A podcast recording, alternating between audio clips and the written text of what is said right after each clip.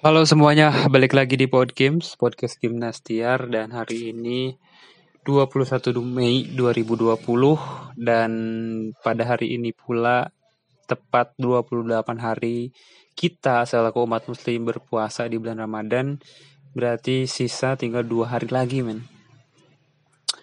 Sisa tinggal dua hari lagi dan uh, gue sih pengennya di dua hari terakhir ini gue bisa manfaatin uh, ya manfaatin sebaik-baiknya gitu dengan berbanyak amal ibadah dan juga berbanyak uh, meminta maaf, meminta ampunan kepada Allah, memperdekatkan diri kepada Allah.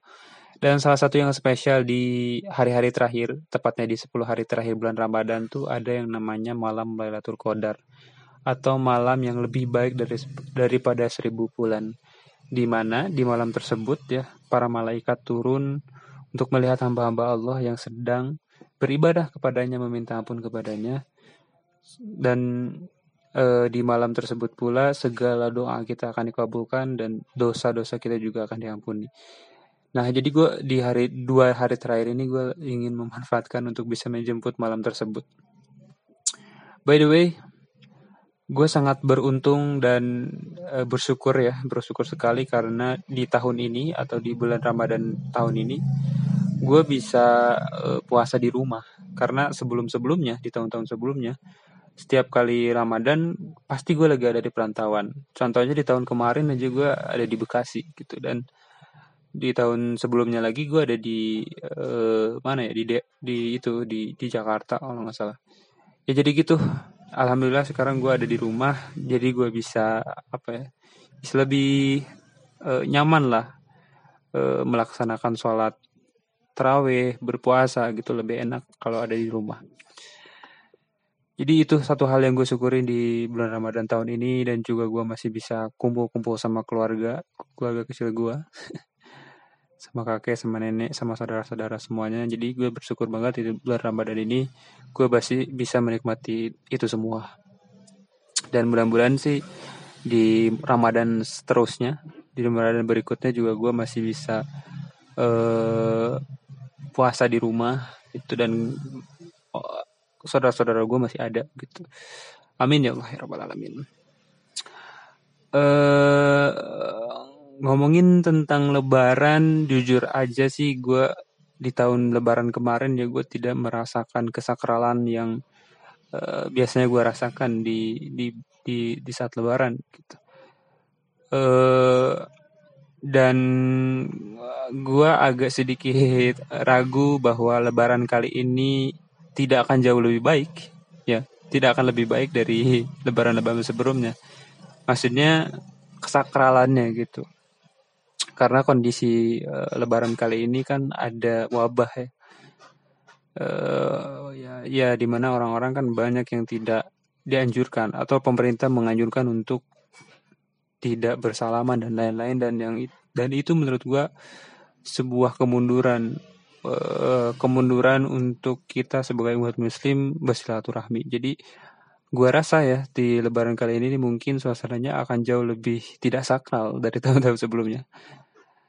uh, itu sih hanya pandangan gua aja, tapi tapi sejauh ini sih iya kalau di daerah sih di kampung-kampung itu eh, apa social distancing dan lain-lain pokoknya yang digaung-gaungkan oleh pemerintah tentang eh, corona ini tentang pencegahan corona ini tidak se apa ya tidak se ekstrim di kota-kota besar sih.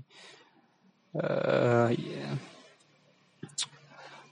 tapi ya gue ada perubahan besar sih di tahun di Lebaran kali ini. Perubahan besarnya adalah gue ngelihat ke jalan di di, di di di sepanjang rumah gue jadi kan rumah gue tuh eh, di seberang jalan ya, maksudnya di pinggir jalan. Jadi eh, nah di Lebaran kali ini gue ngeliat banyak banget orang gitu. Mungkin eh, mereka yang merantau ya, orang-orang sini yang merantau pada pulang dan akhirnya banyak banget orang di sini gitu di kampung sini banyak banget orang yang sele selewaran gitu. Nah gue agak nggak happy sih dengan banyaknya orang yang selewaran eh, gue nggak ter begitu suka atau ya nggak suka lah kalau ada orang banyak berseliweran gitu. Makanya kalau gue ke pasar tuh paling paling males gitu. Karena gue harus ketemu ngelihat banyak orang. Bahkan pernah satu kejadian ketika gue ke pasar malam ya kawasan malam terus ngelihat begitu banyak orang berkerumun gue langsung mual cuy. Tak kenapa ya. Mungkin karena gue introvert ya karena kar mungkin karena gue introvert nah jadi gue nggak suka ngelihat banyak orang eh By the way, balik lagi ke pembahasan tentang Idul Fitri. Uh, gua sih sudah memplanningkan bahwa setiap Ramadan, setiap uh, Idul Fitri harus lebih baik dari dari tahun-tahun sebelumnya. Uh, bulan Ramadan kali ini gua rasa lebih baik dari bulan Ramadan sebelumnya karena tadi yang gue jelaskin jelasin bahwa gue bisa Ramadan di sini dan gue berharap Lebaran nih Lebaran kali ini atau Idul Fitri kali ini bisa lebih baik daripada uh, Idul Fitri tahun-tahun sebelumnya. Dan ada beberapa cara menurut gue supaya Idul Fitri ini bisa jauh lebih baik. Uh, Idul Fitri kita mak kita uh, ini ke dulu ya apa uh, artikan dulu pengertian dari Idul Fitri itu apa. Jadi Idul Fitri itu kan sederhananya adalah kembali ke fitri di mana-mana orang berpuasa gitu kan di segala dosa diampuni ketika berpuasa dan di akhirnya dia kembali suci. Berarti ada upaya perbaikan diri kan. Selama Ramadan perbaiki diri, nah selama di Idul Fitri kali itu kita udah matang menjadi pribadi yang lebih baik gitu. Nah, berarti ada harusnya setelah Idul setelah Ramadan dan menjelang Idul Fitri kita bisa menjadi pribadi yang lebih baik lagi. Banyak habit-habit baik yang kita lakukan dan uh, terus juga menghilangkan atau Eh, meninggalkan kebiasaan-kebiasaan buruk yang kita lakukan itu ya yang pertama itu Idul Fitri itu harus dimaknai dengan pertama tadi perbaikan diri ya jauh lebih baik. Yang kedua Idul Fitri itu adalah identik dengan silaturahmi dengan keluarga. Nah jadi Idul Fitri ini adalah momen bagi kita untuk mempererat lagi tali silaturahmi di antara kita, terutama di antara saudara-saudara kita.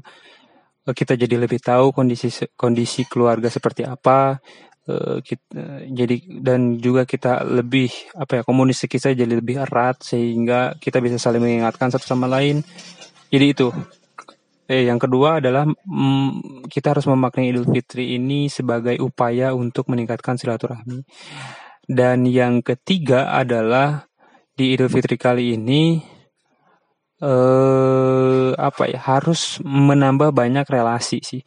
Maksudnya ya di Idul Fitri ini kita kan kadang ketemu sama orang yang belum kita kenal. Misalkan ada sepupu jauh kita atau ada saudara jauh kita yang sebelumnya kita gak pernah komunikasi akhirnya kita bisa komunikasi dan dari komunikasi itu bisa mendapatkan insight baru ilmu baru link baru atau eh, apa pun itulah misalkan dengan ketemu sama saudara kita kita bisa jadi uh, apa ya terinspirasi dengan apa yang dia ceritakan. Jadi kan biasanya kalau Idul Fitri ini suka ngobrol-ngobrol gitu kan.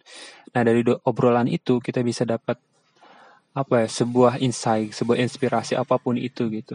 Atau misalkan kita bisa mendapatkan ide bisnis atau link bisnis ya dari dari hasil silaturahmi itu. Jadi tiga hal yang bisa diperbaiki atau yang bisa membuat Idul Fitri ini jauh lebih baik. Yang pertama kita harus uh, bisa menjadi pribadi yang lebih baik ya dengan dengan upaya pembersihan diri di bulan Ramadan tadi. Yang kedua adalah kita meningkatkan tali silaturahmi kita terutama ke silaturahmi antar keluarga. Dan yang ketiga adalah upaya kita untuk mendapatkan inspirasi baru, uh, ilmu baru dan uh, apa ya link baru dari silaturahmi yang kita sudah lakukan di Idul Fitri. Oke, jadi itu podcast kita eh, podcast gua kali ini dan ya seperti biasa podcast ini gua bikin uh, dalam upaya ya gue pengen cerita aja, gue pengen uh, menumpahkan apa yang ada di otak gue dan itu sih tujuan utamanya dan mudah-mudahan yang mendengarkan bisa mengambil manfaat sedikitnya dari apa yang gue sampaikan ya. Uh, terima kasih sekali lagi yang sudah mendengarkan. Goks.